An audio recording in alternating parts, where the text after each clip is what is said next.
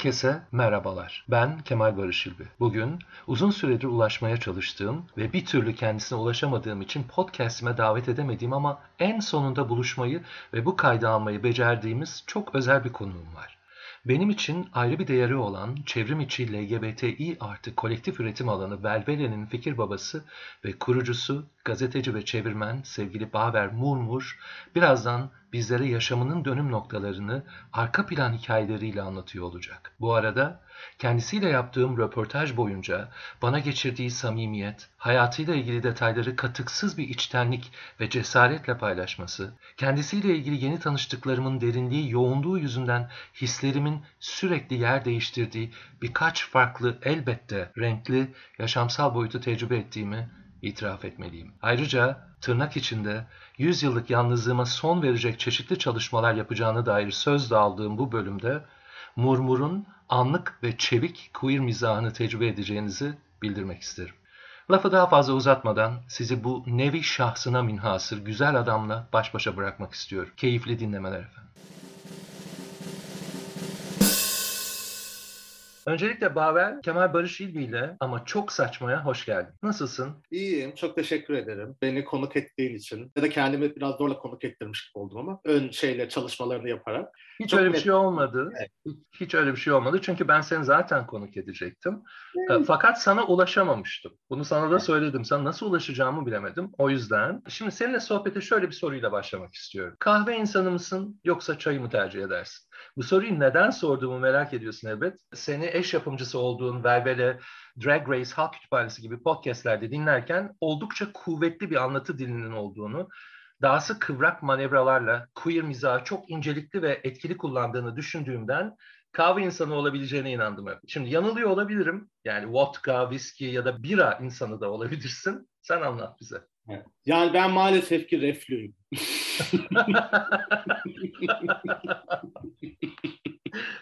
yani gerçekten. Gerçekten. E, Bundan daha iyi bir cevap verilemezdi bu haber ya. Yani doktorun verdiği listede içmemem gereken her şey senin sorunda var. Ama ben tabii ki yine de lanet gelsin ki içiyorum. Şöyle diyeyim, gazeteci olarak çalışmaya başlayana kadar çaycıydım. Aha. Gazeteci olarak çalışmaya başladığımda ofiste herkes kahve içiyordu ve ofis çukur cumadaydı ve.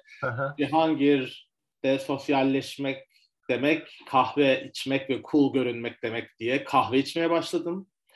Ama yani çok seyrek içiyordum. Nihayet her gün en azından bir tane kahve içmeye Barcelona'ya taşındığımda başladım. Çünkü yani kruvasan ve kahveyle kahvaltı edilen bir yer. Bizim o şey sofralar yok falan. Ee, ama ve lakin işte nihayetinde reflü oldum. İkisini çayı da azalttım, kahveyi de azalttım. Gündüz öğlen bir acısıyım. Gece kokteylciyim. Bu da 20 yıl falan alkol içtikten sonra öğrendiğim yani bir ayı öğlen içeceksin, kokteylleri gece içeceksin. ee, ama su hayattır diyorum özetle. Doğru okay, çok güzeldi ama. Şimdi peki kendini Kürt, göçmen, queer bir birey olarak tanımlıyorsun. Tüm bu sıfatların yaşam pratiklerindeki iz düşümlerini, hayat hikayeni nasıl şekillendirdiklerini anlatır mısın bizlere? Burada şunu eklemek istiyorum. Varoluşunu bütünleyen bu ögeler isminin başına eklerken büyürken konuşulmaması gereken gölgeler olduklarına ve öyle kalması gerektiklerine inandırılarak gün günden tekrar tekrar barışmak zorunda bırakıldığın tanımlar haline mi geldiler? Şimdi sesin o kadar e, seksi, o kadar güzel konuşuyorsun wow. bir tadında. O yüzden e, insan soruyu, soruyu bir noktada takip etmekte zorlanıyor. Yani, Baver, Baver bak bana seksi dedin alıyorum ben bunu üstüme. Hemen aldım. Alayol aa dedim. De Gerçekten mi? Tamam. O, peki. O, doğruları konuşuyoruz burada. Yalan yok. Tamam harikasın. Evet. Uğur Dündar'ın Ama... programından sonraki ilk gerçeklerin konuşulduğu ilk program. Ay Baver ya. Ya işte anlatsan hadi. Tamam. Nasıl Şimdi, oldu bunlar? Evet. yani ben kendimi Kürt, göçmen ve Lubunya olarak tanımlamıyorum. Bunların hepsiyim. Yani hiçbiri yani, yani senin öyle o niyetle sormadığını tabii ki biliyorum. Sadece dinleyen, dinleyen ve e, bilmeyen insanlar için belki açıklayıcı olur. Yani ben Kürdüm. hayatımın bir noktasında göçmen oldum. Kendimi bildim bileli de Lubunya'yım. Lubunya olduğumun adını koyma maceram biraz uzun sürdü. Ama Kürt olduğumu kabul etme sürecim de biraz öyle. Ee, en nihayetinde Türkiye'de 80 yılında doğmuş ve bir Kürt ilinde doğmuş hı hı. ve 6 yaşına kadar orada yaşamış savaş nedeniyle İstanbul'a göç etmiş ve hı hı. birden bambaşka bir e, sosyalleşme ağının içine düşmüş biri olarak ve TC devlet eğitimine maruz kalmış biri olarak ben 11 yaşına kadar Kürt olduğumu reddettim. E, çünkü okulda bana anlatılan, televizyonda gösterilen, haberlerde okuduğum ve eş komşulardan, okuldaki arkadaşlardan dinlediğim üzere Kürtler kötü kokan, e, temizlik bilmeyen, konuşmayı bilmeyen cahillerdi ve ben kendi çekirdek ailemde tırnak içinde söylüyorum bunu. Aksanlı konuşmayan, İstanbul Türkçesi, yani Atatürk kalksa gurur duyacak kadar o şeyi benimsemiş e, ve bir öz nefret geliştirmiştim. Hı hı. Ve Lubunyalı meselesinin aksine Kürt olduğum gerçeğini gerçekten reddetmek için çok uğraştım. Ama bu sırada adım Baver'di. Bilmeyenler için söylüyorum. Baver Kürtçe'de inanmak demek ve aslında benim doğduğum zamanda o aralıkta çok da Kürt çocuklarına verilen bir isim değildi. Çünkü zaten yasaktı. O yüzden yani bir şekilde bir m, kara koyunluk hali vardı.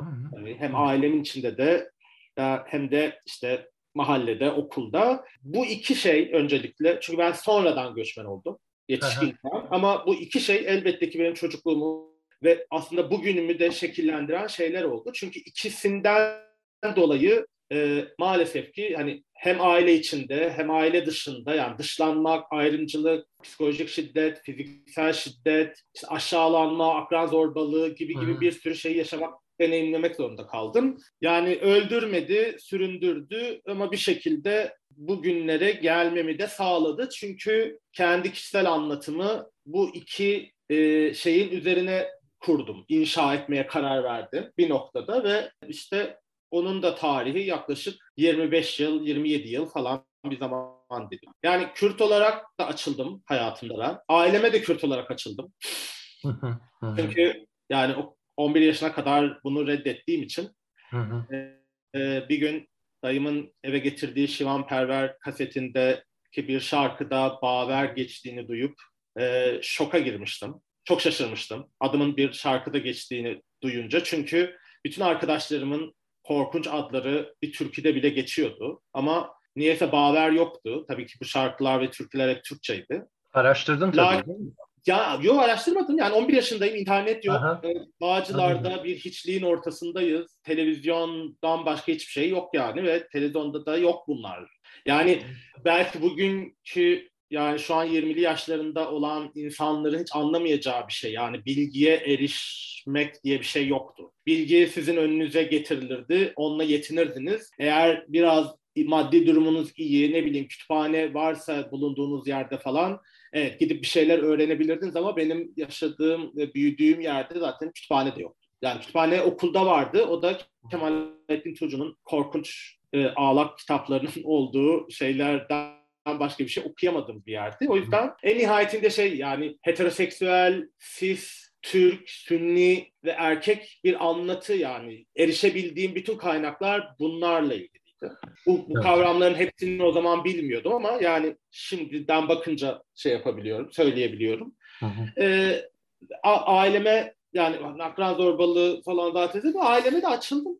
Aileme hı. yani açılmak zorunda da kaldım. Hı hı. Ama ailem de gerçekten gerçek bir Türkiye'li aile olduğu için ve Türkiye'lilerin atasporu da inkar olduğu için ailem sayısız açılma girişimimi onlar hiç açılmamışım gibi davranarak geçirdi şeylerini ve hala geçirmeye devam ediyor. Anlıyorum. Peki e, buradan şuna geçelim. Velvele'den önce gazetecilik yaptığını biliyorum. Evet. Bu dönemden biraz bahseder misin? Queer bir özne olarak özellikle Türkiye'de duvarlarından bile sıçrayıp insanların üzerine yapışacak kadar kuvvetli bir eril dilin hakim olduğu homofobinin hala kol gezdiği mekanlar ve ortamlar olan medya, gazete binalarında nasıl işini yapmaya devam edebildin? Ne çeşit zorluklar yaşadın? Mobbing ya da zorbalığa maruz kaldın? Evet. Şimdi biraz şeyin hikayesini anlatmalıyım. Ben hayatımda gazeteci olma veya yazar olma hayali kurmadım. Yani edebiyat dersinde her Lubunya gibi tabii ki iyiydim lisede ama yani kompozisyondan başka bir şey yazmamıştım hayatımda. Lakin 2000'lerin başında Kaos GL ve Lambda'da örgütlenmeye başladım. Ee, bir gün Kaos GL'nin editörü olan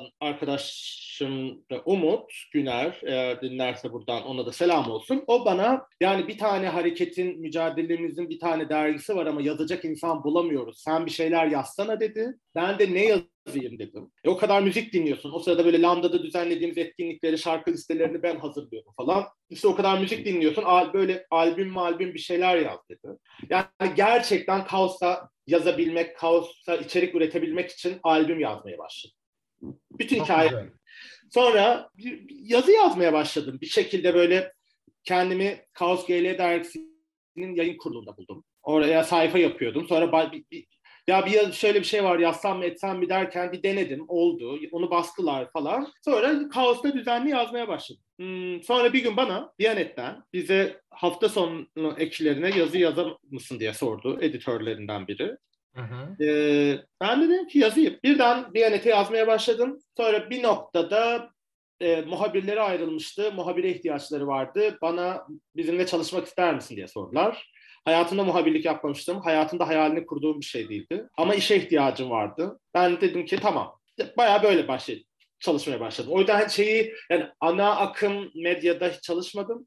Oradaki deney, öyle bir deneyimim yok. Ama Anladım. orada çalışan arkadaşlarım olduğu için bir kıyaslama yapabiliyorum. Çünkü en nihayetinde oradan gelen gazetecilerle aynı eylemleri, aynı basın toplantılarını izlemeye gidiyorduk ve aradaki şey farkı görüyordum. Hani şey bu bahsettiğin o eril şeylerden yani gazetecilik Evet. gerçekten bir kere fiziksel bir iş. Evet. Yani haber izlemeye, eylem izlemeye gitmek demek yani çantan olacak, iyi bir hızlı koşabileceğin spor ayakkabın olacak, yoksa çok cepli yeleğin olacak falan filan. Ben parmak arası terlikle gittim kaç kere eylemlere. Yani böyle Allah Allah ya niye bu kadar herkes abartıyor bu işi falan diye diye yani. Ondan sonra sonra ama işte böyle polis müdahalelerinde falan artık böyle ağzımın payını alıp biraz daha kendimi koruyarak gitmeyi öğrendim. Ama benim mesela sayısız kez ben açık bir eşcinsel muhabirdim. Ee, bunu hiçbir zaman saklamadım. Başka biri gibi davranmadım. Yani ve böyle çok muhafazakar şey insanlarla yaptığım görüşmelerde de o insanlara ben bu bilgiyi saklamadım. Hı hı. Ama şeyi görüyordum. Yani mesela habere gidiyorduk. Şimdi ben çok uzun bir insan değildim zaten.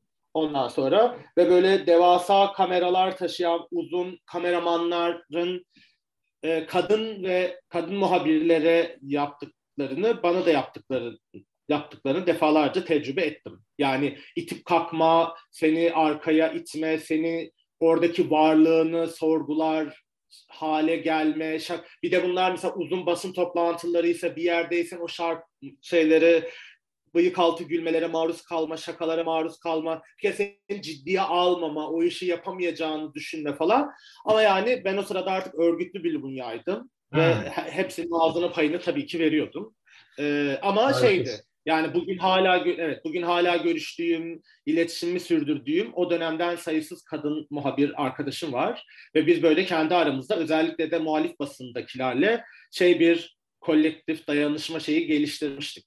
Yani birbirimizle hem paslaşıyorduk hem de böyle durumlarda birbirimizin yanında oluyorduk. O yüzden işte yaşasın queer feminist dayanışma diyorum yine yeri gelmişken. Ee, benim için şey öyle bir süreç. Üç yıl zaten bu arada çalıştım Aha. muhabir olarak. O yüzden Hemen ardından berbere çıkmadı değil mi? Değil. Ee, ben o sırada muhabirlik yaparken Özgür Radyo'da, bugün kapatıldı o yani radyo, Özgür Radyo'da da bir program yapmaya başladım. Hı hı. Şemsi Paşa Pasajı diye Semra Çelebi ile o da o da gazeteci e, hala aktif olarak gazetecilik yapmaya devam ediyor. Biz beraber Özgür Radyo'da program yapmaya başladık. Ben Özgür Radyo'nun eski bir dinleyicisiydim zaten. Özgür Radyo çok baskılara, sansüre maruz kalan bir yerdi. Ben biraz böyle politik bir dayanışma şeyi de olur. Hı hı. Hem de yani bir radyo programı yapma fikri bana çok iyi, ilginç geliyordu. Yıllarca radyo dinlediğim için. Orada bir buçuk yılı süren bir program yaptık. Radyo kapanına kadar. Daha doğrusu evet ben buraya geldim öyle bitti galiba. Çok emin değilim. Radyo sırada kapanmış mıydı sonra mı kapatıldı? Ama zaten Özgür Radyo yani çok sevdiğim bir radyoydu. Orası kapandı ama öyle bir şeyim var. Anladım. Ee, evet, radyoculuk deneyimim de var. O da muhtemelen sana e, ciddi katkılarda bulunmuştur. Şimdi Velvele'nin aslında nasıl ortaya çıktığını okuduğum, dinlediğim röportajlardan biliyorum. Ben şunu sormak istiyorum. Ülkenin sosyopolitik iklimi yüzünden hemen her mecrada ve manada basınç değişikliklerine maruz kalan LGBTİ artıların oksijen maskesine ihtiyaçları olmadan nefes alabildiği, yaratıcısı olduğun Velvele gibi kolektif bir üretim ortamının sana neler kattığını merak ediyorum. Yani özetlersek bu platformu yaratırken hesapladıklarının ya da öngördüklerinin dışında Velvele'nin hem mesleki hem de kişisel anlamda sana getirdikleri ve veya senden götürdükleri neler oldu? Ee, götürdükleri sinir sistemim diyormuşum. ee, yani şöyle, ben çok karanlık bir süreçten geçiyordum. Hı hı. Ve çok uzun bir süredir hiçbir şey yazmamıştım. Hiçbir şey Hı hı. yazmak istemiyordum. Neden yazayım ki diyordum. Zaten yazma, ya bunları kim okuyor ki diyordum. Böyle Aha. koltuktan kalkamadığım, a- annemi kaybetmiştim. An- onun üzerine buraya geri döndüm. Sonra böyle kardeşime teşhis kondu tekrar kanser teşhisi. Çok kısa bir aradan sonra yani annemin ölümünün üzerine. Ve böyle benim için yas tutamadığım ama kolumu da kıpırdatamadığım böyle korkunç bir dönemdi. Bir yandan da bir varoluş krizi geçiriyordum o sırada. Hı hı, Hmm. Çünkü her şeyi bırakıp göçtüm. Bu kadar yılın sonunda böyle korkunç işlerde çalışıyorum. İşte göçmenlere vaat edilen şeyler belli falan. Yani bunun için mi bu kadar riski aldım falan diyordum. Neyse işte bir dipsiz bir kuyuya düştüm orada gerçekten. Sonra 2019'un yazında baya böyle nasıl derler çok içki içip artık uzun büyük kısımlarını hatırlamadığım birkaç gece yaşadım ve ben o gecelerin bir tanesinin ertesinde içinde bulunduğum durumdan hiç memnun olmadığımı fark ettim. Yani hiç sürdürülebilir gelmedi o durum. Çünkü böyle çok tüketiciydi. E, terapiye başladım. Bir arkadaşımın tavsiyesiyle. Bir şekilde İstanbul'a geldim. İstanbul'da Kurtuluş'ta bir arkadaşının evinde kaldım. Çok büyük güzel şey bir terası vardı. Orada böyle bir şeyler içip so- yaptığımız sohbetlerin bir yerinde ben o masada bir web sitesi yapma fikrinin bana biraz heyecan verdiğini, çok uzun bir aradan sonra yeniden yazı yazabilir miyim acaba diye düşünmeye başladığımı, yani o sırada çalıştığım işten ve onun gibi işlerden aslında çok mutsuz olduğumu, iyi yapabildiğim bir şeyi denemek istediğimi söyledim arkadaşlarıma. Aha. Onlar da biraz heyecanlandılar. Onlardan biri zaten Ari'ydi. Ama bir şekilde o İstanbul'daki şartlar nedeniyle olamadı. Ben Anladım. evet döndüm Barcelona'ya birkaç ay sonra e, bir terapi seansından kalkıp Velvele'nin alan adını aldım. Dedim ki yani kişisel bir blog olur. Ben arada bir şeyler yazarım. En azından bana yazma motivasyonu olur. Velvele için başka hiçbir planım yoktu. Ve Velvele iki hafta sonra birden üç kişilik bir ekibi oldu. Çünkü Ari önce İlker geldi şey için. Aha. Dedi ki yani sitede edebiyat yani queer edebiyat olsun ister misin? Ben onlarla röportaj yapmıştım çünkü. Onun üzerine İlker bana yazdı. Dedi ki valla çok isterim. Hakim olduğum bir alan değil. Sen yapmak ister misin? Gel edebiyat editörü ol. Gördüğünüz gibi yani Velvele'de kariyer yapmak dünyanın en kolay şeyi. Ondan sonra Ali de, evet. Sonra Ali de yani ben yazı yazamıyorum şu an. Ama Covid bu arada başlamış. çok doğru insanları da seçiyorsun. O da Onlar geldiler. Ben gerçekten şey yani hani bayağı ben çok şanslıyım o konularda Ha. genel olarak. Belki de, İnsan konusunda belki de. evet. Evet, insan konusunda çok şanslıyımdır. Hep böyle hep böyle söyleyince çok faydacı biri gibi olacağım ama hep çok işime yarayan, hep faydasını gördüğüm hem biz çok anlamda insanlarla arkadaş. On, yani bir şekilde oldum gerçekten. Yani İlker de onlardan biri, Ari de onlardan biri. Ari de podcast fikriyle geldi. Yazı yazamıyorum. Ya acaba bir podcast mi yapsak? Covid yeni başlamıştı. İşte Covid'le birlikte Velvele'nin seyri böyle bambaşka bir şeye dönüştü. Velvele birden benim bir yıl sonra falan artık öyle bir yere direksiyon kırar mıyız dediğim yere böyle üç hafta içinde mi, iki ay içinde mi ne geldi ve topluluk tarafından çok çabuk sahiplendi ürettiğimiz şeyler ve o yani benim için ben bir gün ağladım evde mutluluktan yani insanların Baber, böyle, çünkü evet. böyle platformlara çok ihtiyacımız var. Evet yani tabii ki var. Zaten o yüzden yani ben bir noktada olmasını istediğim şey öyle bir şey. Yani Velvele'nin bir queer bir kolektif havuz olması. Hı hı, Ve hı. yani mesela atıyorum Kaos GL var. Kaos GL günlük haberler çıkıyor. Hani öyle bir site yapamam. Tek başına zaten yapabileceğim bir şey. Her ne kadar gazetecilik şey deneyimim olsa da. Ee, ama böyle biraz nasıl derler tartışma e, alanları açacak, birbirimizin hikayelerini duyabileceğimiz, dinleyebileceğimiz, okuyabileceğimiz bir platform olur mu? Ee, biraz böyle belki biraz daha hani yurt dışında yaşıyorum, onun da şeyle biraz daha cesur şeyler yazabilir miyiz falan. Hı. Biraz öyle başladı. Belvele sonra gerçekten beni falan bırakıp kendi hikayesini yazmaya çok hızlı devam etti. Yani gel bugün geldiği yerden insanların onu sahiplenmesinden yani şöyle söyleyeyim bunu söyleyince çok insanların anlıyor yani bir buçuk yıldır falan hiç kimseye bize bir şey yaz demedi. Yani Velvele'de okuduğunuz... Bundan daha güzel ne olabilir ki? Evet. insanlar kendileri geliyor. İnsanlar ben Velvel bir şey yazdım Velvele'de yayınlamak ister misiniz diyorlar. Zaten yani daha büyük bir mutluluk yok. Bir de şey tabii benim için. Yani böyle küçük kasabalardan, şehirlerden LGBT artı insanlar yazıyor. Aha. Ee, ben gazetecilik yaparken de LGBT artı me- meselesine dair şeyler yazarken de tek motivasyonum böyle şeylerdi. Hala da öyle. Hani il, tabii ki İlker'in ve Arin'in başka deneyimleri Velvele ile ama onların da yani az çok benzer şeyler hissettiklerini biliyorum. Ama yani Velvele gerçekten nihayet ünlü Türk popçuları gibi diyebileceğim yani o benim bebeğim diyebileceğim bir şeydi yani. Nazar değmesin değmesin. Çok da güzel gidiyor gerçekten. Çok Kesinlikle memnunum. nazar değmesin. Kesinlikle evet. nazar değmesin. Hazır Verbele'den bahsetmişken e, bir de böyle kişisel hikayelere de girmişken 14 Kasım 2021'de Verbele'de okuduktan sonra tabiri caizse tırnak içinde söylüyorum duygusal derimi soyan birkaç dakika kendime gelemediğim ölüm, yaz ve keşkeler üzerine isimli bir yazın yayınlandı. Bu yazıda oldukça etkilendiğim şu cümleler dökülmüş kaleminde. Yine senden alıntı yapıyorum. LGBTİ artılara yönelik ayrımcılık deyince herkesin aklına benzer şeyler geliyor. Şiddet, ölüm, işten kovulma, aşağılanma vesaire.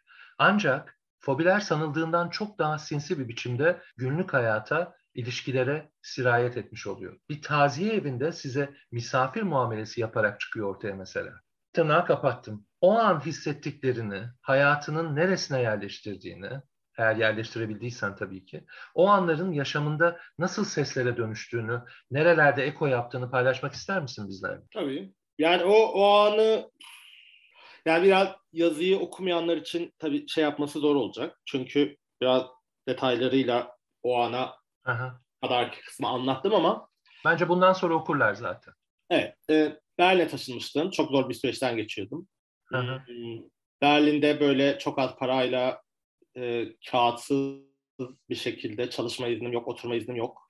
Bir hayat kurabilir miyim diye bakarken annemin kanser olduğu haberini aldım. Bütün eşyalarımı topladım ve Türkiye'ye geldim.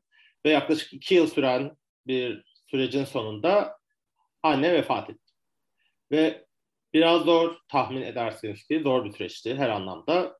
Yani annemin hastalığının yanı sıra 5 yıl önce kaçtığım, kaçmak zorunda kaldığım yere geri dönmüştüm ve her şeyi böyle sindirmek ve beş parasız dönmüştüm. Böyle hiçbir şeysiz. ve onların hepsini sindirmek falan biraz zordu. Ama bir yandan da şey ben görev insanıyımdır yani. Kan tükürür, kızılcık şerbeti içer, yapmam gerekeni yapar. Kişisel kahrolma şeyimi sonraya erteler işte mendiline kan tüküre tüküre ya da yastığında ağlıya ağlıya o süreci şey yapar. Çünkü o kadar Yeşilçam filmini boşuna izlemedim yani gerçekten. Ee, oralardan öğrendiğim her şeyi böyle gerçek bir şeyle e, Anadolu insanı şeyiyle, yüceliğiyle hmm, ama sonra annem öldü ve memlekete götürdük. Annemin hastalığı benim ailedeki e, pasaportum olmuştu. Çünkü anneme bakıyordum ve yıllar önce e, Lubunyalığımı dert eden bu nedenle sana yaklaşmaya. Evet, can güvenliğim için Hı. tehlike olabilecek falan insanlar oh. evet anneme baktığım için bir şekilde durumu e, görmezden geliyorlardı. Ha. Ama cenaze maalesef ki bütün ailenin ben ve kardeşim arasında yani annemin çocukları arasında nasıl bir tercih yaptıklarını aleni bir şekilde gösterdikleri ve ben ile neredeyse kimsenin iletişim kurmadığı, herkesin kardeşimin annesi ölmüş benim de uzaktan bir akrabammış gibi. Ya ben bir hafta boyunca çay servisi yaptım. Taziye evi, erkekler kısmına. Sonra eve döndüğümüzde de fırına falan gidiyordum. Ee, insanlara baş sağlığı falan diliyordum. Annemin ölümüne üzülen insanları e, güzel sözler söyleyip onları sakinleştiriyordum ve yani böyle dünyanın en garip, en yabancılaştığım şeylerinden biriydi hayata dair. Ee, ama bir yaz tutamadığım için hı hı. çünkü kardeşimle ilgilenmem gerekiyordu. O ona teşhis konmuştu hemen ardından. Ee, ve biraz da kanser olmamanın verdiği suçluluk duygusuyla cebelleşiyorum. Çünkü babam da kanser olmuştu benim. O iyileşmişti. İşte annem oldu, öldü. Sıradaki bendim ama benim beni geçip kardeşim oldu. Yani belki bilenler bilir bu hayatta kalmanın vicdan azabı, suçluluk duygusu diye bir şeyden bahsederler. Yani bu çok doğru mu acaba metafor olarak da bilmiyorum ama bir şekilde ben de sağlıklı kalmanın vicdan azabıyla bu sefer bütün tutmam gereken yası falan şey yapıp halının altına süpürüp böyle kendimi şeye vakıf ettim. Hı hı. Ama manasız manasız yerlerde gelip beni buluyordu. Yani böyle bir partiliyoruz. De, deli gibi müzik çalıyor. Yani işte o kıyametin ortasında birden böyle bir seslerle bağım kesiliyor. Ortamda yabancılaşıyorum. Böyle korkunç bir his falan. Böyle işte bir, bir gece otobüs durağında oluyor. Bir gün böyle bir, bir seksin ortasında oluyor. Sürekli şeyle böyle bir o anla bağımın koptuğu şeyler, durumlar cereyan ediyordu falan ve işte Şimdi terapiyle birlikte yol alabildiğimi hissediyorum. Çok fazla yol alabildiğimi. Çünkü yani terapi beni gerçekten e, Yusuf gibi kuyulardan çıkardı o konuda. E, ve gay çocuklar ve anneleri işte biliyorsun yani devasa bir klişe ve ve anne çok genç öldü. 55 yaşındaydı. Hmm. Gerçekten çok gençmiş bu arada. Ve maalesef ki şey Böyle genç ölümlerde şöyle bir sorun var genel olarak. Biz ya, sizden bir sürü şeyi, fırsatı çalıyor. Hmm. Yani annemle tam nihayet bütün o yıkıcı, zor zamanların ardından nihayet birbirimizi sevmeye, ya daha doğrusu birbirimize sevgimizi gösterebilmeye, birbirimizi olduğu gibi kabul etmeye bir kapı aralamıştık. Ve belki nihayet ikimiz için de daha mutlu bir gelecek vaadi vardı. Maalesef ki işte kanser onu elimizden aldı ikimizin de. Ee, yani çok ciddi, çok ciddi bir süreç bu süreç. Evet. Sana şunu sorabilir miyim? Sen neler hatırlıyorsun? En çok hatırladığın şeyler ne? Neleri çok özlüyorsun? Paylaşmak ister misin bizimle? Şimdi ben annemle hala kavga ediyorum. Hı hı. Ve kavga ettiğim kavga ettiğim biriyle ilgili tam olarak ne söyleyebilirim bilmiyorum. İyi bir insan olduğunu söyleyebilirim. Hı hı. Ben hı. böyle hayatında kötülük yapmayı yani bilinçli bir şekilde planlayarak kötülük yapmayı bilmeyen çok az insan tanıdım. Onlardan bir annemdi gerçekten. İnsanlara yardım etmeyi çok severdi. Sınıfsal şeyleri yani zengin bir aileden gelip böyle zengin olmayan babamla evlenip korkunç yoksulluklar yaşamasına rağmen şey olmamış, hiç kibrine yenilmemiş, elindekini herkesle paylaşan, herkese yardım etmek için uğraşan falan bir insandı. Anlıyorum. O da o da sonuçta erkek egemen şeyin kurbanlarından biriydi. Yani 17 evet, yaşında evet. istemediği biriyle evlendirilmiş, kuzeniyle. Abi dediği kuzeniyle bir gün evlenmiş falan ve e, hani evde birilerinin yemek Hı-hı. yaptığı bir evden gelip kocaya yemek pişirmesi, kaynananın çamaşırlarını yıkaması gereken bir dünyaya gelmek 17 yaşındaki bir çocuk için de zor yani. Ve, Kesinlikle. Evet, ve 18 yaşında anne oldu falan. Bunlar kolay şeyler değil. Çok zor şeyler. Yani, evet. Yani onun hikayesini yok saymak istemem ama ondan esirgenen şeyleri de benden esirgedi annem. O yüzden Anladım. biraz yazık oldu yani. O hem çok genç öldüğü için hem de yani bunu seninle değil onunla konuşmayı çok isterdim. Çok haklısın. Çok evet. haklısın. Anlıyorum. Ha, hazır kişisel hayatındaki özel insanlardan bahsetmişken şu an Katalan bir adamla evli olduğunu biliyorum. Nasıl gidiyor? İyi, sağ olsun. İyi bir insan. İyi yani ben 12 yıldır beraberiz. Öyle, Oldukça uzun bir süre. Evet. Ve yani benim için inanılmaz bir süre. Birini 12 yıldır öldürmemiş olduğum gerçeği yani. Aynı yerde falan. Nasıl oldu falan bilmiyorum ama işte şöyle bir şans var. O da o çok başka bir yerden geliyor. Öyle bir şansımız var yani bu birbirini itmek yerine birbirini tamamlayacak boşlukları bulup oraya kanalize olabildik bir şekilde ama zor tabii yani ben kendi ana dilimde değil başka bir dilde ve çok da iyi konuşamadığım bir dilde onunla iletişim kurmaya başladım. Sonra buraya taşındım ve böyle 45 günlük turist vizesi ve 500 euro ile geldim. Hiçbir planım yoktu. Yani her şey çok apar topar olmuştu. Birden onun hayatına bomba gibi düştüm. Bayağı şey bir telenovela gibiydi yani. Hı. Çünkü o eski sevgilisiyle yaşıyordu falan. Ben onlarla yaşamaya başladım böyle dramalar dramalar. Ee, ama işte böyle düşe kalka bir şekilde kavga ede ede işte ne bileyim şeyler krizler geçire geçire düş birbirimizi dönüştüre dönüştüre e, bir şekilde akacak bir mecra yarattık. İyi, nazar değmesin. İyi bir insan. Çok güzel. Evet, bana katlanabildiği için zaten bir insanlık humanitarian ödülü falan filan varsa yani birileri versin gerçekten. Ama şey iyi yani o bir, bir, birbirimizin hayatlarına çok şey ne derler? Ha şey değil yani benim için çok oryantalist bir Avrupalı değil. Ha. Evet ve yani Türkiye Anladım. ve Orta Doğu ile ilgili meseleleri bayağı öyle o yani oryantalist ve batılı Bakış olmayan bir yerden. Aynen şey yapan biri. Aha. Ailesi de çok tatlı. Okey yani. İyi bir insan. Çok Peki eşcinsel evliliğin Türkiye'de hala yasal olmadığı düşünülürse doğduğun ve yaşamının önemli bir kısmını geçirdiğin topraklarda en azından şimdilik elde edemeyeceğin haklara sahip olmak, tırnak içinde el bir diyarda eşit bir yurttaş olduğunu hissetmek nasıl bir duygu? Şimdi öncelikle ben şey söyleyeyim, ben evliliğe karşıyım.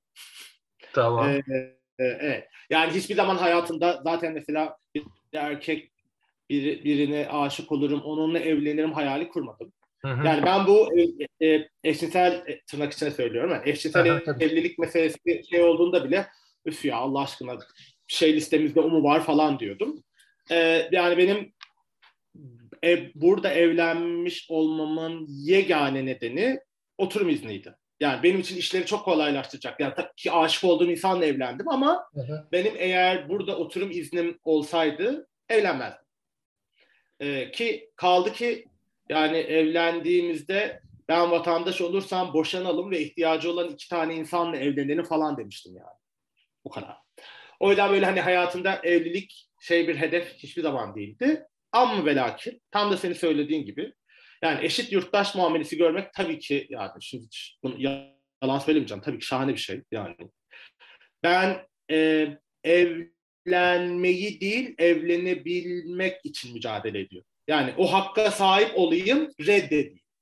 Ama evet. benim bizim de bütün heteroseksüeller gibi evlilik hakkımız olabilsin diye mücadele ediyorum. Onun mücadelenin bir parçası olmasına da o yüzden okey. Ama e, benim ihtiyaçlar listemin çok altında zaten. Hep hep öyleydi.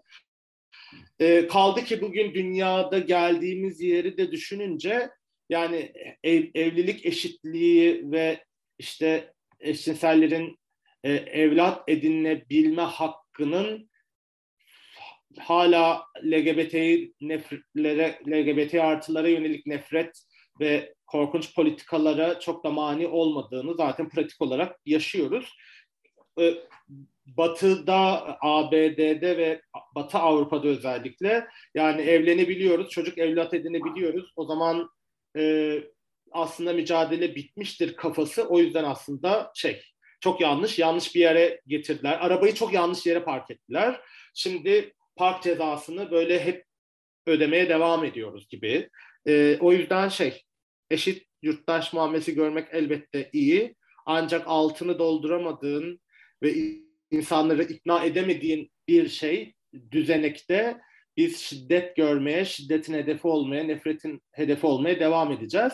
Aslında buradan ben nereye atlamak istiyorum biliyor musun? Bu İspanya'daki hayatından da konuşmak istiyorum ama yaşadığım bölgede LGBTİ artı bir göçmen olarak kendini gerçekten her anlamda güvende hissediyor musun? Gerçi böyle bir şey iddia etmek zaten çok zor herhangi bir yerde, dünyanın herhangi bir yerinde ama bir de çok yakınlarda 24 yaşında bir genç olan Samuel Lewis'in homofobik bir grup tarafından dövülüp sonrasında kaldırıldığı hastanede yaşamını yitirdiğini biliyoruz. Bu ve benzeri olayların Avrupa'nın farklı ülkelerinde arttığını bugünlerde sıklıkla duyuyoruz. Tırnak içinde sence cennette işler değişiyor mu? LGBTİ artıların haklarını sonuna kadar savunacağını iddia eden Avrupa Birliği hala Polonya ve Macaristan'daki anti-LGBTİ artı hareketler, gelişmeler için kınamanın ötesinde ciddi bir adım atabilmiş değil. Nasıl yorumluyorsun tüm bu olayları? Yine tırnak içinde medeniyetin yan etkileri mi bunlar? Fazla görünür olmanın getirdiği ve körüklediği bir nefret dalgası mı? Yani ben zaten güvende hissetmek ne ya gerçekten bilmiyorum. Yani o, duygu, o duyguyu hiç bilmediğim için. Hı hı. Tabii ki burada da hissetmiyorum. Ama şöyle sorarsın. Yani İstanbul'a geldiğimde, ya şöyle söyleyeyim. Barcelona benim hı hı. Hayatta kendimi en güvende hissettiğim yer. Hı hı. Ama Barcelona'nın öznel şartları nedeniyle. Çünkü Barcelona Katalonya'nın e, başkenti. Katalunya gerçekten İspanya'nın geri kalanından böyle fersah fersah bir çok konuda çok ileride bir yer. E, ve burada görece daha korunaklı şey bir hayat var. LGBT artılar ve göçmenler için. Ancak yani burada da sağcılar var, burada da neonaziler var, burada da göçmen karşıtları var. Çünkü Katalan yani Barcelona sadece Katalan, çünkü Katalanların hepsi de minnoş gibi olacak ama kozmopolit bir yer. Ee, hem İspanya içinden göç alan hem Avrupa'dan göç alan ve tırnak içinde şey Avrupa'nın şey son yıllardaki cazibe merkezlerinden biri ve buraya çok fazla uluslararası şirket ofis falan açtığı için çok fazla insan geldi. Ve buranın şeyi de hmm, İspanya'da zaten genel olarak bu La Vox dediğimiz aşırı sağcı partinin yükselişine tanık ediyoruz son birkaç yıldır. Burada da etkilerini gösteriyor. Yani burada da mecliste sandalye aldılar. Sağcı partilerle ilişkileri var. E, o yüzden medeniyette ki sorun dünyadaki sorundan çok farklı değil. Çünkü dünya sağa çekiyor şu an. Hı hı. Dünya büyük bir hızla sağcılaşıyor. Ve sağ politikalar özellikle yani Trump'ın seçilmesiyle birlikte e, Putin, Trump, işte Brezilya'nın başındaki o korkunç Bolsonaro muydu? Evet, gibi, evet. Gibi. Yani isimler işte bir İngiltere ya Britanya'da Hı-hı. başındaki işte Tory muhafazakarlar yani Hı-hı.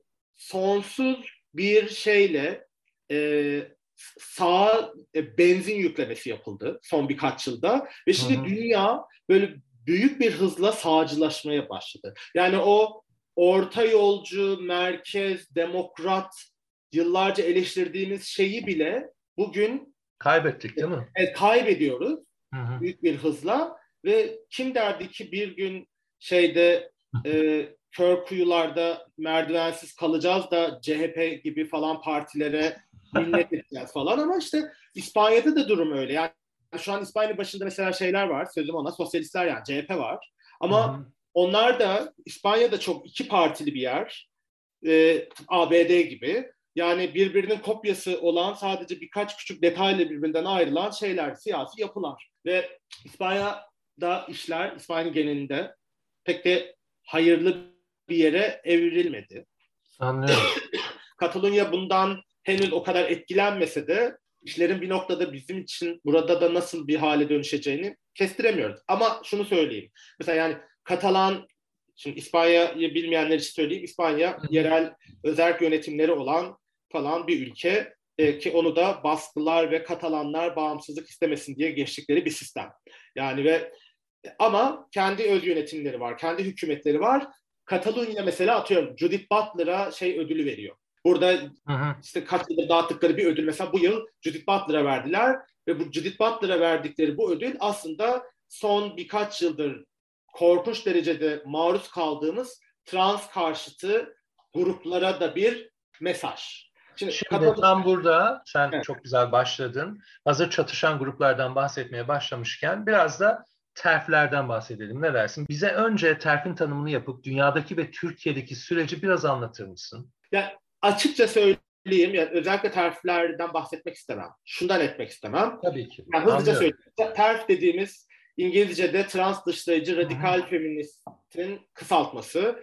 Kendisine feminist diyen e, cis kadınlar, transların bedenleri, varoluşları üzerine bir saldırı başlattılar. Ve bu saldırıyı böyle korkunç, muhafazakar, işte aile merkezli, beden merkezli, yıllarca yıllar boyu işte kiliseden işte ne bileyim korkunç sağcı yapılardan, siyasetçilerden, eşcinseller hakkında duyduğumuz argümanları biraz daha şeylerini değiştirip e, remixleyip translara yönelik bir nefrete dönüştürdüler. Ama ve lakin mesele sadece onlarla ilgili bir mesele değil. Mesele son yıllarda translara, trans karşıtı yükselen korkunç e, siyasi bir saldırı. Terfler bunun maşalarından bir grup maşası hı hı. ama ve lakin bununla ilgili çok ciddi, çok daha karanlık, çok daha korkutucu şeyler var yani e, söylenen. Yani yeni bir rapor okudum. E, okuduğum raporda diyor ki e, so, 2008 ile 2009 ile 2018 yılları arasında Avrupa'da göçmen ve trans karşı gruplara internette bunlar hakkında şeyler yapsınlar diye, konuşsunlar diye 430 milyon dolar mı ne para aktarılmış. Yani biz çok daha büyük ve global korkunç bir saldırı dalgasından bahsediyoruz. Çünkü bu naçizane benim teorim. E, artık gay ve lezbiyenlerden nefret etmek bir şekilde bir şekilde batıda ortaklaşılmış bir ayıp. Hı hı.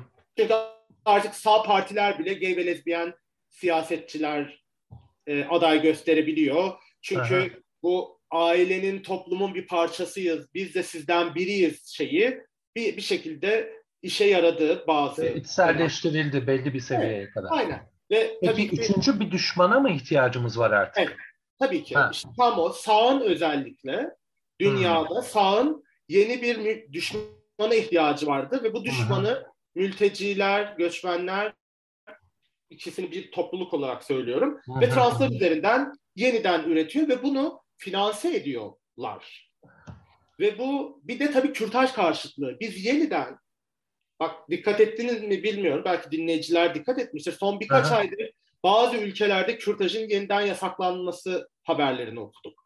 Yani bunlar bir sanki hepsi birbirinden bağımsız şeylermiş gibi duruyor. Ama, Ama e, değil. değil, tabii ki değil. Yani Putin'in iki, iki gün önce Batı J.K. Rowling'i nasıl cancel etmek istediyse şimdi bana da onu yapıyor demesi de zaten tesadüfi değil. Tamam ben de onu soracaktım ama sen cevap verdin çok güzel.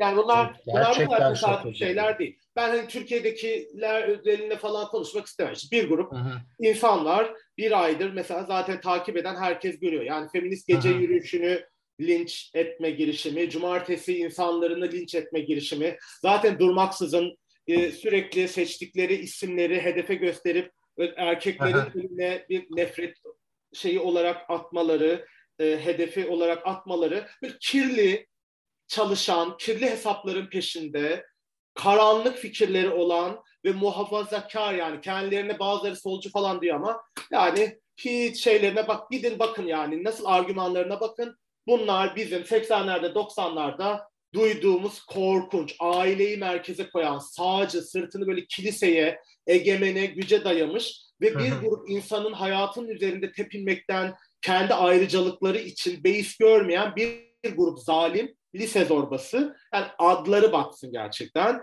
Ee, ben sadece bizi dinleyen ve bu insanların şiddetine bir şekilde maruz kalan, okuduklarına maruz kalan insanlar için söylüyorum. Bu insanlar bugün bir şekilde bir tahribat yaratıyorlar tabii ki.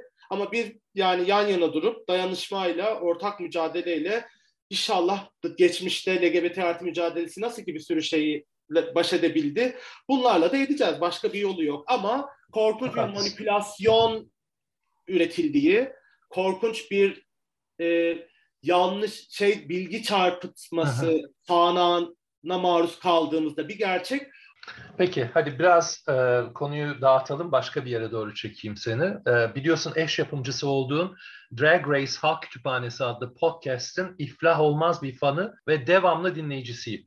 Yine bir gün sizi dinlerken Madonna hakkında konuşuyordunuz sanırım. Tırnak içinde senden alıntı yapıyorum. Siz heteroların neden ikonlarımız olduğunu anlamıyorum ya da bu minvalde bir cümle ettin. Neden böyle düşündüğünü biraz bize anlatır mısın? Yani Allah razı olsun yaptıklarından ettiklerine. Hiçbir itirazım yok. Ama yani e, vakti zamanında yine de LGBT artı sanatçıların falan sahip olamadıkları ayrıcalıklara sahip olup sektörlerde var olabilmeleri, var olabilmiş oldukları bir gerçeği var. Onu bir şekilde bizim faydamıza kullanmış herkese tabii ki yani çok teşekkür ederim. Hiç itirazım yok. Ama ben bugün bu kadar şahane LGBT artı müzisyen, sanatçı, ne bileyim ressam, yazar, şu bu varken hala Britney Spears'a falan ikon dememizi anlamıyorum açıkçası. Ve e, fazla beyaz Avrupalı gay şeyi buluyorum bunu. E, biraz şey gibi geliyor bana yani ben e, anne yani annemizi babamızı bütün otorite figürlerini öğretmenimizi ne bileyim e, zihnimizin içinde öldürmemiz gerektiğini düşünüyorum. Hı hı. Bizim kişisel özgürleşmemizin, özgürleşebilmemizin yegane yolu biz bu şeyleri, tabuları, bu tabuları yaratanları, bizim zihnimize o emirleri şey yapmışları, kendi varlığıyla oraları, alanları işgal etmişleri e, öldürebilmek ve onlara veda edebilmek. Yani yeniliğin, yeni seslere erişebilmenin yolu da biraz oralardan geçiyor. Yani ben artık yani çok güzel şarkıları var. Tabii ki hiçbir itirazım yok. Yani tabii ki Madonna'dan Allah razı olsun. Tabii ki Lady Gaga yani şahane şeyler yaptı. Hiçbir itirazım yok. Ama yani ben bugün arkasından gitmek istediğim gay ikonlar değil. İlker'in bir yazısında söylediği gibi yani queer önderler. Çok da güzel bir yazı o, evet. Yani e, o nedenle biz belki bu ikon meselesini de artık şey yapmalıyız. Yani biz yeni tabular yaratmış olmayalım. O tabuları devirebilelim. O ta- devirelim ki yani zaten milyarder olmuşlar bizim sayemizde de dünya kadar para kazanmışlar. Yani onlar yerine dünyanın çeşitli yerlerinde ne zor şartlarda yani Kenya'da işte Ürdün'de, Filistin'de, Güney Kore'de böyle korkunç baskılara rağmen işte açık bir şekilde sanatlarını, sanatsal üretimlerini yapan insanları destekleyelim. O insanları meşhur edelim, edeceksek. O insanların arkasından gidelim ve yani o insanların cesaretlerini alkışlayalım. Yani şeylere de teşekkürlerimizi sunmaya devam edelim geçmişte yapmış oldukları için. Ama ben bu kadar bu hı hı. yani Britney Spears, Madonna yani hala bu şarkıları çalıyorlar falan. Ben böyle hayret ediyorum yani. Diyorum ki yani nasıl ya bu kadar DJ'siniz, bu kadar müzisyen. Yani tabii ben bir yandan da bunu diyorum ama Türkiye'de de Lubunya partilerinde hala homofobik Hande Yener'i çalmaya devam ediyor yani Lubunya DJ'ler. O yüzden böyle e, kendimi değirmenlere karşı mücadele eden Don Quixote gibi hissediyorum diyerek böyle şiir tadında bir şey. Yani öyle de bir Tamam peki. Peki hazır popüler kültürden bahsetmişken bir de sen de Türkiye'den bahsetmeye hemen başladın zaten. Yani Madonna'dan Türkiye'li pop ikonası Gülşen'e atlayalım o zaman. Nasıl değerlendiriyorsun Gülşen'e gelen eleştirileri ve cevap olarak onun tırnak içinde oldukça akıllıca attığı adımları? Evet. Ee, yani bir kere eleştiriler ne eleştirisi yani gerçekten. Yani ahlakçılar, ahlakçıların ahlakçıların şey kaygılarını falan dert etmeyi bırakan ben emekli oldum oradan ya malülen. O yüzden ben sadece tabii ki kadınların yani kadınların ve LGBT artıların bedenleri zaten toplumlar, muhafazakar toplumlar için bir şey, savaş alanı. Bizim Hı-hı. bedenlerimiz on, o bedenleri kullanma, ifade etme biçimlerimiz zaten işte yıllarca kilisenin de, devletin de, okulun da, ne bileyim camilerin de, bütün otoriter sahiplerinin de derdi olmuş. Zaten o yüzden yıllarca bugün işte atıyorum yani Madonna'nın bütün gençliği bu nedenle korkunç saldırılara maruz kalmasının nedeni tabii ki o. Çünkü bir kadın bedenini bütün o baskılara, şeylere inat sergileyebilir olduğu için bir nefret objesine dönüştü. Şimdi Gülşen'e yapılan da çok farklı bir şey değil. Gülşen'de yani gerçekten yani ayakta alkışlıyorum. Şahane bir şeyle. Asla geri adım atmayıp üstüne üstüne gitmeye devam ediyor. Ve bu şu anki Türkiye'de yani son 20 yıllık Türkiye için zaten inanılmaz bir şey. Ve Kesinlikle. yani kim derdi ki e, işte CHP'den, HDP'den falan beklediğimiz muhalefetin öncüsü Gülşen olacak bir gün hayatta ama yani hepimiz bayağı Gülşen şu an parti falan kursa oy verecek noktadayız. Çünkü Gülşen nihayet e, bize korkmadan, korkuya yenilmeden de bu son yıllardaki Türkiye'de bir şey yapılabileceğini gösterdi. Kesinlikle ben de ayakta alkışlıyorum yaptığı şeyleri. Evet. Sana çok evet, katılıyorum bu konuda. Kesinlikle. Yani o yüzden onun yaptığı çok kıymetli. O, o, o şu an başkalarına cesaret veriyor. Bence en mühim kısmı o. Aha, yani başka kesinlikle. insanları yüreklendiriyor. Bence en önemli kısmı da o. Gülşen en nihayetinde bugün müziği bıraksa yani parası var, şeyi var yani zaten dünya kadar kazanmış bir insan. Yani onun derdinin artık sadece para kazanmak olmadığı da çok açık. Zaten olsaydı yanlayacağı yer belliydi yani. O gün gidip oturacağı masa belliydi yani. Şimdi onu yapmayı da reddetti. Onu yapmayı reddedip bir de kendi varlığını başkalarına cesaret verebilmesi için bütün bu şeyini riske attı. Yazdığı metinde de öyle diyor. Bunu okuyan öyle bitiriyor diyor ki bunu okuyan ve yanlış olduğunu düşünen herkes ve diyorum ki değilsiniz. Bu kadar politik bir cümleyi LGBT hareketi de zaten bunu kur, üzerine kurulu. Hı hı, hı, mücadelemiz bunları feminist mücadelede yine bunu şey kendine esas ediniyor. Yani Lambda İstanbul'un sloganı yani ne yanlış ne yanlışsın. Biz Peki orada şeyi çok merak ediyorum. Kesinlikle katılıyorum. Sen de ciddi bir ekibi var mı Gülşen'in çalıştığı? Bu cümleler ondan mı çıktı yoksa o ekibiyle birlikte mi hazırladılar bu cümleleri? Takdir ediyorum ve ben de ayakta alkışlıyorum ama merak da etmiyor değilim. Ha. Ya bilemem şimdi bilmediğim bir şey hakkında konuşmak şey gibi e, Beyaz TV'nin sabah programı Seren Serengil gibi şimdi üfürükten tamam, tamam. şey sallamak istemem. Ama Oralara gitmeyelim. Oralara evet, gitmeyelim. ki vardır. Ama vardı eğer o bir ekiple yazıldıysa keşke noktalama işaretlerine biraz dikkat etselerdi diyorum. Çünkü bazı noktalama işaretlerinde sorun vardı. tamam tamam bence bizi dinlerlerse belki evet.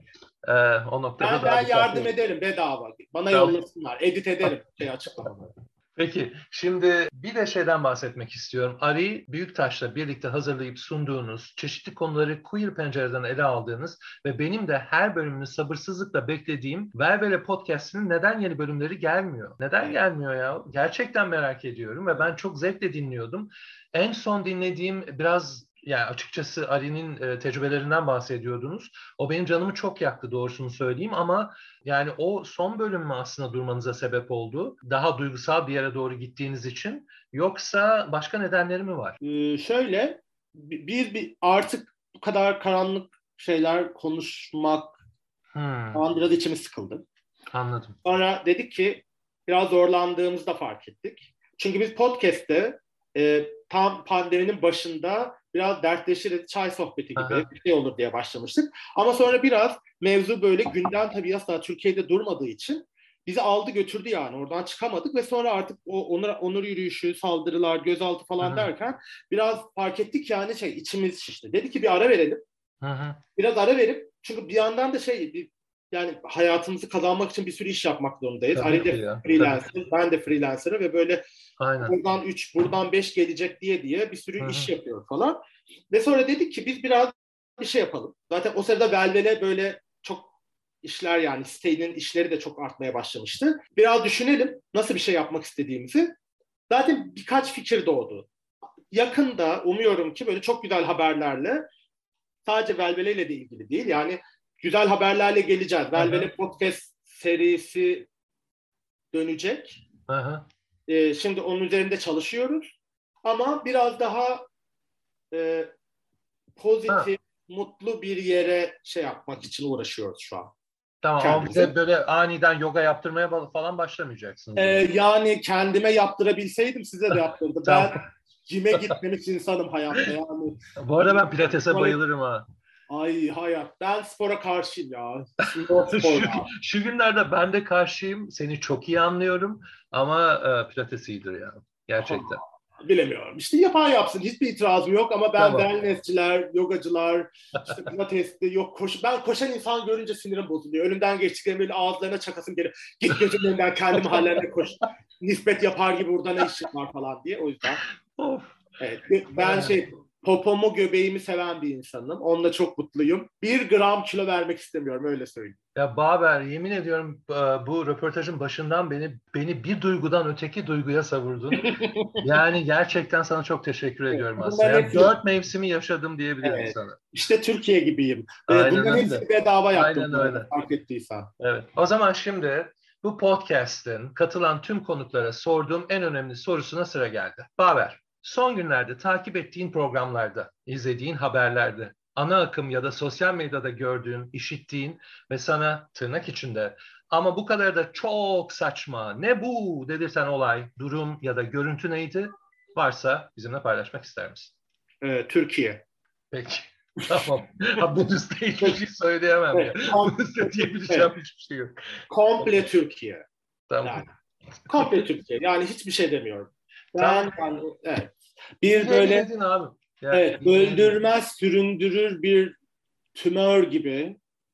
Ve yani Kabafis de haklı. Geliyor, senle geliyor, her yere geliyor. Yani yeni bir yer bulmana da müsaade etmiyor. Senle geliyor her yere. O yüzden herkese Beyoncé sabır ve güç versin diyorum. Tamam, peki. İlker hep Kaner'le yaptığım röportajda öğrendiğim kadarıyla Berber'e yeni gelişmeler oluyormuş. Ama o bizlere konuyla ilgili detay vermek istemedi. Sen biraz bahsetmek ister misin bu yeni oluşumlardan? Tabii ki istemem. diyerek. yani ben maalesef ki ay çok güldük, ağ, çok güldük, çok ağlayacağız. Aman başımıza iyi bir şey geldi. Kimseye söylemeyin nazar değer tam o insanın. Yani mahallenin muhtarları dizisine koy hiç sırıtmam. Herhangi bir ay yapım dizisine koy hiç sırıtmam. Ben o karakterim. Tabii ki söylemeyeceğim ama yakında göreceksin. O yüzden. Peki tamam peki ben de ısrarcı olmayacağım. Şimdi son bir soru soracağım sana. Bu podcast çekilirken ne hissettiğini bana tek bir kelimeyle özetlemen gerekirse ne söylerdin? Tünelde tek kelime zor tabii yani. Tamam tek... tamam cümlede olur. evet.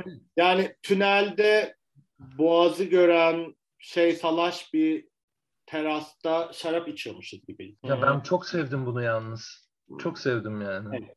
Bilmiyorum evet. sen bu senin için ne anlatıyor ondan da emin değilim ama. Yok şey değil yani hiç yani seni ilk kez fiziki olarak görüyorum. En son İstanbul'a evet. geldiğinde bir görüşürüz diye plan yapmıştık ama işte olmadı. Kardı, kıyametli falan derken. Evet. E, yani ilk kez fiziki olarak karşı karşıyayız. Ama yani yıllardır tanıyormuşum gibi bir hisle rahat rahat Aynen. konuştuk. Evet. E, o yüzden şey o samimiyet e, şeyi nedeniyle yarattığı samimiyet dalgası nedeniyle diyeyim. Öyle bir his e, nail oldu. Teşekkür ederim. Asıl ben çok teşekkür ederim. Bizlerle paylaştıkların için ve bu podcast'e katıldığın için çok çok çok teşekkürler. Sağ ol. Ben, ben, ben çok teşekkür ederim. Benimle konuşmak, söyleyeceklerim dinlemek, yüce gönüllülük ettiğin için. E, neredeyse eminim ki şimdiye kadarki en çok dinlenecek, en sevilen bölümün olacak. O yüzden e, karşılıklı diyorum şeyimiz. Ben de tekrar teşekkür ediyorum sana.